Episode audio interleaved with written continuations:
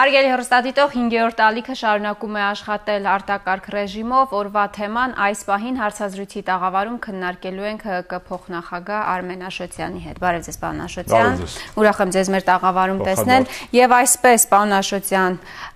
Նիկոլ Փաշինյանը հայտարարել է, որ չի կարող գոյություն ունենալ դատական համակարգ, որի իշխանությունը չի բխում ժողովրդից։ Այսօր փակվեցին դատարանների մուտքերը եւ ելքերը եւ Նիկոլ Փաշինյանը հայտարարեց հեղափոխության երկրորդ փուլի մասին։ Խնդրեմ ձեր գնահատականները։ Նիկոլ Փաշինյանը հերթական անգամ հեղափոխության հերթական երկրորդ փուլ է հայտարարում, որովհետև ես առնվազն 1 տարվա ընթացքում 3-4 դեպքով հիշում եմ այսպես կոչված երկրորդ փուլ, երբ պաշարում էին ԱԺ-ն, երբ Երևանի ընտրություններ էին կազմակերպում եւ այլն եւ այլն, այսինքն։ Բայց դա չի կարևորը, թե ինչպիսի համարակալում է իրականացնում Նիկոլ Փաշինյանը իր հակասահմանադրական գործողությունների համար։ Ակնհայտը մեկ այլ բան է, որ Նիկոլ Փաշինյանը չի հանդուրժում երկրում որևէ ինստիտուտ, որևէ ճյուղ, որևէ անձանց, որոնք իր ուղակի յենթակայության ու ազդեցության տակ չեն։ Տեսեք, Ագնեսա Անցյալ տարի մայիսին նա կուլ տվեց Հայաստանի Հանրապետության գործադիր իշխանությունը ու դարձավ երկրի վարչապետ։ Անցյալ տարի հոկտեմբերին նա կուլ տվեց ազգային ժողովին, կուլ տվեց օրենսդիր իշխանությունը եւ ունեցանք այն ազգային ժողովը, որը այսօր դժվար է անվանել Հայաստանի Հանրապետության քաղաքական թիվ 1 մարմին այս ընթացքում նա փորձում էր կուլ տալ նաև իշխանության 4-րդ ճյուղին, մամուլին, ազատ մամուլին եւ վստահ եմ, որ այս հարցակումները դեռ ձեզ կուլ տալու կներեք արտահայտությանս համար շարունակվելու են։ Իսկ երեք Նիկոլ Փաշինյանը որոշեց նաև գրող կազմակերպել իշխանության երրորդ ճյուղի հանդեպ, դատական իշխանության հանդեպ։ Ակնհայտ է, որ այս մարդու համար ժողովրդի մեջքի հետևը պահկվելը դարձել է բացա սեփական հիվանդագին քաղաքական ամբիցիաները թաքցնելու եւ ժողովրդի անվան տակ երկրում տոտալիտարիզմ հաստատելու անհաջող փորձ։ Մի դրվագ եմ ուզում ձեզ հիշեցնեմ։ Նիկոլ Փաշինյանի արտասահմանյան ելույթների ընթացքում նա parberabar խոսում էր այն մասին, որ դատական համակարգի համար նա պատասխանատու չէ։ Հիշում եք Այդպիսի ելույթեր նա ունեցել Եվրոպական պարլամենտում արտաքին հանձնաժողովի հարաբերությունների հանձնաժողովի նիստում, այդպիսի ակնարկներ արվել է Եվրոպայի խորհրդում իր հանդիպումների եւ ելույթների ժամանակ։ Այսինքն նա վաղուց էր հող նախապատրաստում։ Այսպես կոչված Քոչարյանի գործը կարծում եմ պատրվակ էր առիթ էր Նիկոլ Փաշինյանի համար, որին թված, որ հաշվի առնելով այն հանգամանքը, որ հանրության բևեռացում եւ ուշադրություն կա այդ գործի հանդեպ, կարելի է պահը օգտագործել եւ գրոհել դատական իշխանության վրա։ Գրոհել վերից վար համանդրական դատարանից սկսած։ Եվ այս հանգամանքը կարծում եմ շատ կարևոր է, որպեսզի մենք դες այդ միասին երեկվա պորտկումը Նիկոլ Փաշինյանի չդիտարկենք որպես անհավասարակշիռ քաղաքական ղեկավարի զգացմունքային որոշում, ոչ նա պլանավորած, պլանավորած ռազմավարություններ, հաշվարկած, ուրիշ բան որ տապալվեց։ Ինչով տապալվեց։ Տապալվեց առնվազն 3 ֆրոնտով, հա, ֆրոնտ համար առաջին։ Ակնհայտ էր, որ այդ գործողությունները հակասության մեջ են Հայաստանի Հանրապետության սահմանադրության եւ օրենքների հետ եւ այդ գործողությունների համար կներեք վարչապետը պատասխան է տալու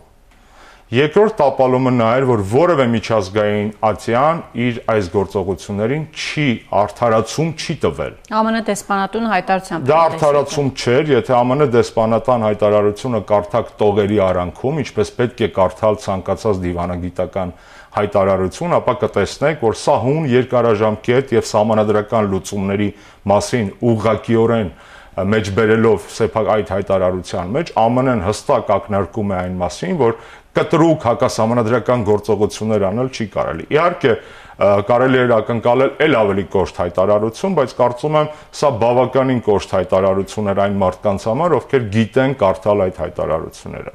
Եվ երրորդը կարևորը. Նիկոլ Փաշինյանը ապա լեգիտիմացրեց սեփական իշխանությունը, որովհետև նա սովոր էր կուրծք ծեծել, ասելով, որ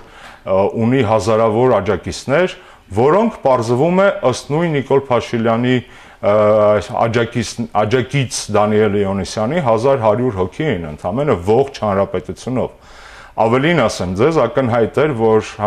մարսպետներին եւ падգամավորներին տրվել են հանձնարարականներ, մոբիլիզացնել սեփական, այսպես ասած, կորիզները, շրջապատները մարզերում եւ Երևանում, եւ եթե տեսնում եք 40, 50, մաքսիմում 60, թող 100 լինի, հոգի մարդ էր ամեն մի դատարանում, դատարանի մոտ։ Ուզում եմ ձեզ հիշեցնեմ, որ այն այդ падգամավորները հանրությանը դեռևս անհայտ, բայց ժամանակին տասնյակ հազարավոր ձայներ հավաքած падգամավորները հավակնում էին դառնալ այս պետության ներսում, մեր պետության ներսում Նիկոլ Փաշինյանի աճ ձեռքերը։ Նիկոլ Փաշինյանը ինչ որ շատ աճ ձեռքեր ունի։ Եվ խնդրեմը նաև հետեւյալն էր Նիկոլ Փաշինյանի համար, որ իր այս անհաջող որոշումը առաջացրեց քաղաքական դաշտի կոնսոլիդացիա Չեմ ասում, որ մենք համատեղ հայտարարություններ ենք ընդունել այլ կուսակցությունների հետ։ Երեկվա դաշնակցության հայտարարությունը ձեր հայտարարությունը։ Այո, երեք դաշնակցության եւ հանրապետականի հայտարարությունները ամենակոշն էին եւ ամենաշիտակը։ Գիշերը եկավ Լուսավոր Հայաստանի հայտարարությունը, այսօր առավոտյան Բարգավաճ Հայաստան կուսակցության հայտարարությունը, անգամ կառավարությունում նախարար ունեցող հանրապետություն կուսակցությունն է ընդունել համապատասխան հայտարարություն։ Որին այդ նախարարը չի միացել այդ հայտարարության։ Դա դնում են իրենց ներքին խոհանոցը մի կողմ, ես դες շեշտում եմ, որ որևէ թեմա այս 1 տարվա ընթացքում չէր եղել, որը կարողանար իրարից անկախ կոնսոլիդացնել խնդրի շուրջ, ոչ թե անձերի խնդրի շուրջ, սպառնալիքի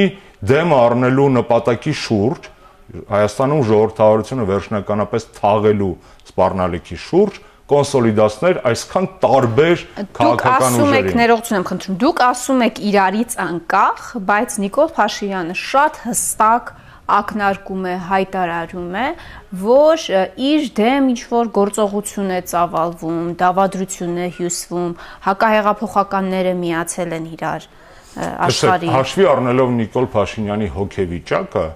հետապնդման մանյան այդ հոգեվիճակի բնորոշ այդ ավարտեմ հաշվի առնելով իր հոգեկան վիճակը, հոգեբանական վիճակը, հետապնդման մանյան ցնորք այսպես ասած, այդ հոգեվիճակի բնութագրիչներից մեկն է։ Ես որպես հանրապետական կուսակցության հայտարարության համահեղինակ ձեզ փաստում եմ, որ հայտարարության առնվազն կեսը հավաքվել է իմ բջջային հեռախոսի վրա, մենք մեր գործընկերները այլ միջոցներով, գadgetներով, այսպես ասած, իրենց փոփոխություններն ու առաջարկություններն են արել եւ առնվազն զավեշտալի է մտածել, որ մենք լուսավոր Հայաստանի հետ լուսավոր Հայաստանի հետ կամ Դաշնակցության հետ Լավ, Դաշնակցության այսինքն չեք զանգել, ասել, հեսա մենք հայտարարություն կտարածենք, մի ժամ հետո դուք կտարածեք, հետո մենք սա կասենք, դուք սա կասեք։ Ես ավելի շուտ գրեցի, որ հայտարարություն կլինի մեր կողմից, քան Դաշնակցությունը տարածեցի, դրա մեջ գաղտնիք չկա։ Բոլոր դեպքերում ակնհայտ էր, որ Նիկոլ Փաշինյանը սկիզբ դրեց Հայաստանում քաղաքական դաշտի ակտիվացմանը, իրարից անկախ, իրար երբեմն չսիրող հակադիր բևերներում գտնվող քաղաքական ուժերը այնուանդերձ բյուրեղացրեցին հիմնական սպառնալիքը, որ տեսնում են Նիկոլ Փաշինյանի գործողությունների մեջ։ Տեսեք, մյուս խնդիրը նա էր, որ մենք վերջնականապես հասկացանք, որ երկրում չունենք սահմանադրության երաշխավոր Դա է ուզում հարցնել, այդ քաղաքական դաշտի ակտիվացման մեջ էր մտնում նաև նախագահ Սարգսյանի հայտարարությունը։ Ես նորից կթվարկեմ, թե ինչ է արդեն կուլ տվել Նիկոլ Փաշինյանը։ Նիկոլ Փաշինյանը կուլ է տվել գործադիր իշխանությունը, Նիկոլ Փաշինյանը իրենով է արել ազգային ժողովը, մամուլի դաշտի մի զգալի մասը իրենով է արած, մյուս մասի վրա նա ատամներ է կրճտացնում Երեկվանից նա գրոհ է կազմակերպում դատական իշխանության վրա եւ ակնհայտ էր դեռևս հոկտեմբերից հայտնի աղմկահարույց օրինագծից, որ ընդունեց ազգային ժողովը եւ առիթ տվեց Նիկոլ Փաշինյանին հակասահմանադրական գործողություններով պաշարելով ազգային ժողովը բերել արտահերտ ընտրությունների, հիմա էլ ակնհայտ դարձավ, որ Արմեն Սարգսյանը որպես Հայաստանի Հանրապետության նախագահ իր տեղում չէ։ Որին եք չունենք, պարոն Աշոտյան։ Այո, անձամբ ես նաև ընտրել եմ, ավելին ասեմ, նաև ելույթ եմ ունեցել եւ պետք է խոստովանեմ, որ այս քվեարկությունը, այս ընտրությունը այն ընտրություններից է, որ իմ խղճի վրա փաստորեն չի նստում։ Շատ լավ, դատարանների մասով Տեսեք, պարոն Փաշինյանը հայտարարում է, որ Հայաստանում չկա ժողովրդի վստահությունը վայելող դատական իշխանություն։ Դատական իշխանությունը յուրաքանչյուր երկրում ձևավորվում է ըստ այդ երկրի սահմանադրության, հաշվի առնելով նաև եվրոպական, առնվազն եվրոպական լավագույն պրակտիկաները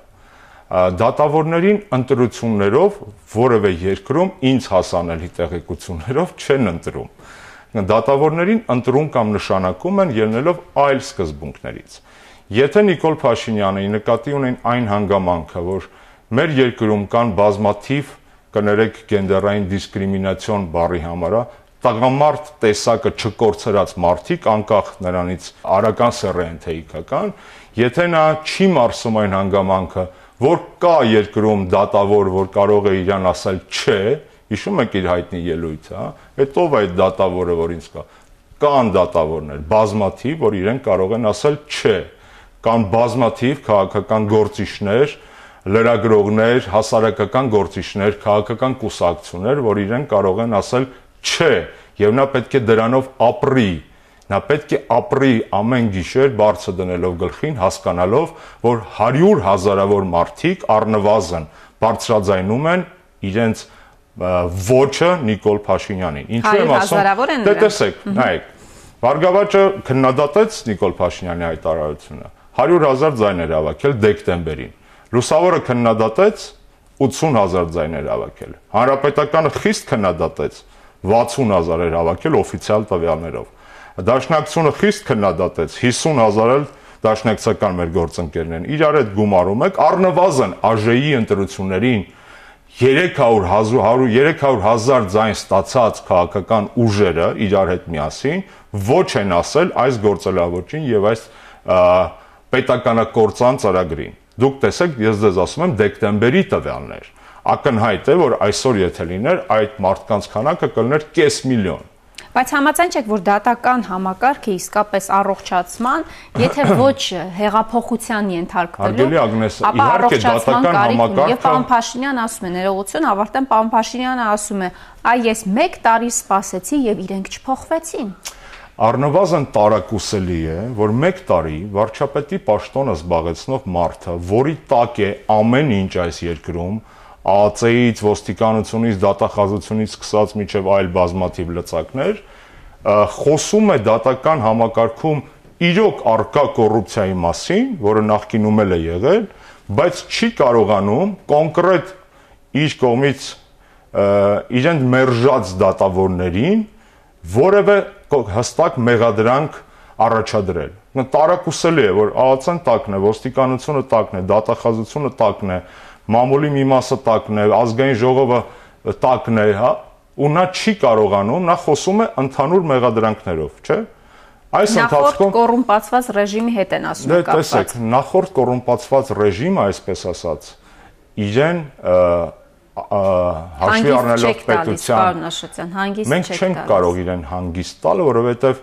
չի կարելի հանգիստ տալ մի մարդու, որի ղեկավարումից կախված է քո երկրի ճակատագիրը, այն երկրի, որտեղ դու եւ քո երեխաները դեռ պետք է ապրեք։ Սա Նիկոլ Փաշինյանի անձնական կալվածքը չէ, սա Հայաստանի Հանրապետությունն է,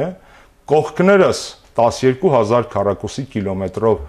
Արցախի Հանրապետությունն է եւ Նիկոլ Փաշինյանը սպառնալիք է դարձել Հայաստանի Հանրապետության եւ Արցախի Հանրապետության գոյության ու ապագայի համար Սա ակնհայտ ճշմարտություն է, հատկապես հաշվի առնելով Նիկոլ Փաշինյանի այսօրվա ելույթի Արցախյան հատվածը, որը կարծում եմ անցնենք դրան։ Հա, լավ։ Անցնենք դրան։ Պարոն Փաշինյանը ասում է, որ դավադիր պատերազմ հրահրելու այս միտքը երկրորդ անգամ է կրկնում, առաջին անգամ քարոզարշավի ժամանակ, հիշում եք, ասաց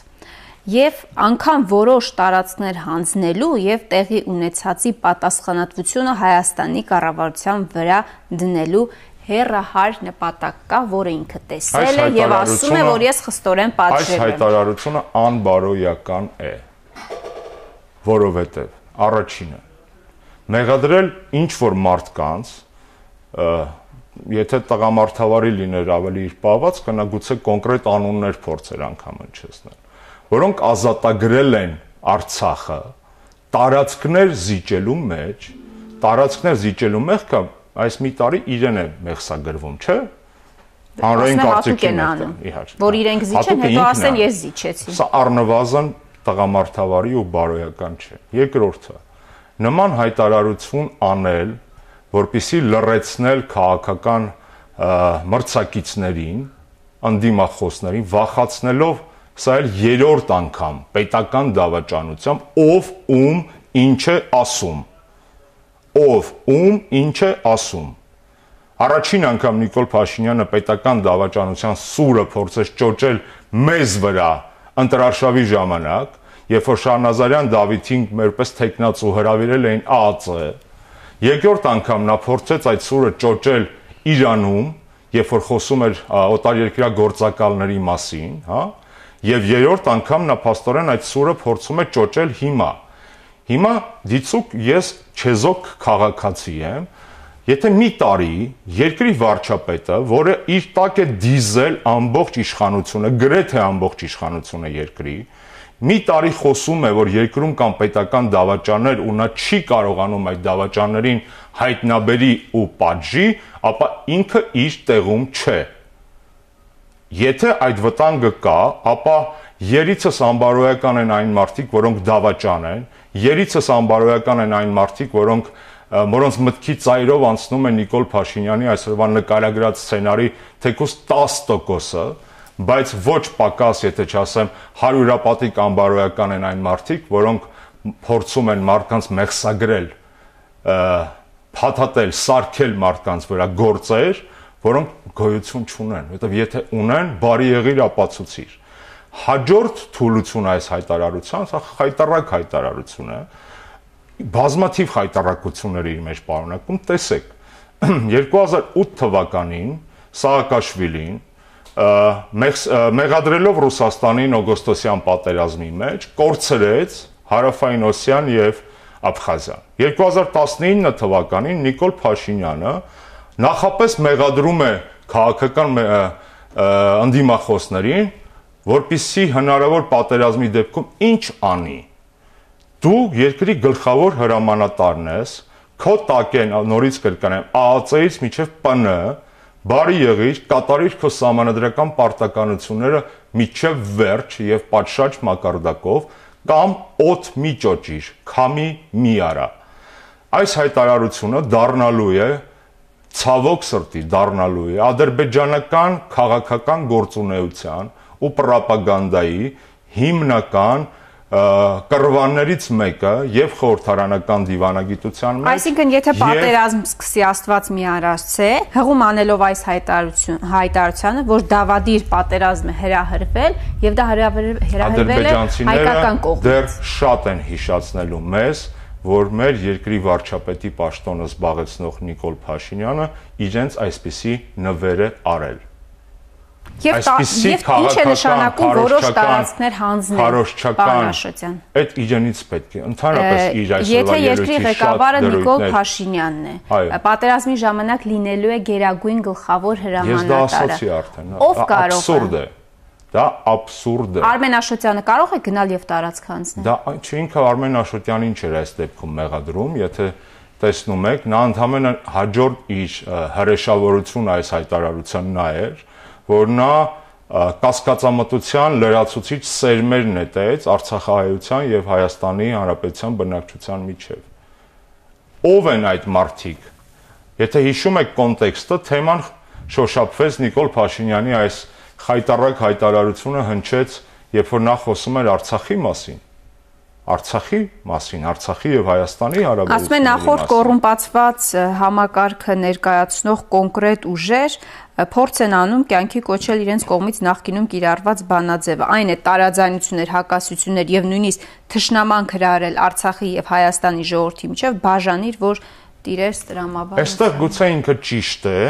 որովհետև ինչ ասացիք նախքին կոռումպացված ռեժիմ, ես համադրում եմ Նիկոլ Փաշինյանի այս արտահայտությունը այն հանգամանքի հետ, որ Արցախի եւ Հայաստանի բնակչության միջև սեփ խրողների մի զգալի մասը այսօր հակ ակտիվիստներ են, իսկ հակը հրշեի տեսքով եղել է իշխանության, գուցե Նիկոլ Փաշինյանը հակին է մեղադրում, հատ պետք է ճշտել։ Արդյոք այդ նախքին կոռումպացված ռեժիմը, որ սեպ է խրում Facebook-ում այս վերջին ժամանակահատվածում եւ սոցիալական տիրույթում եւ ինտերնետ տիրույթում տարբեր տեսակի հայտարարություններ, կոմենտներ եւ բան են անում հենց հակի ակտիվիստներ։ Արդյոք իրենցի նկատի ունի, պետք է ճշտել։ Շատ լավ, եւ վերջում մի կարևոր հայտարարություն էլ արեց պարոն Փաշինյանը, ասում է իմիջայլոց, իմիջայլոցով նախադասությունը սկսեց։ Կարծում եմ հասունացել է ժամանակը 16 թվականի ապրիլյան պատերազմի հանգամանքներն ուսումնասիրող ազգային ժողովի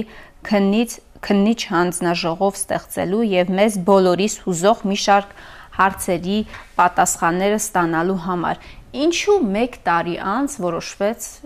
2016 թվականի Որովհետև Նիկոլ Փաշինյանը այս նախաձեռնությամբ փորձելու է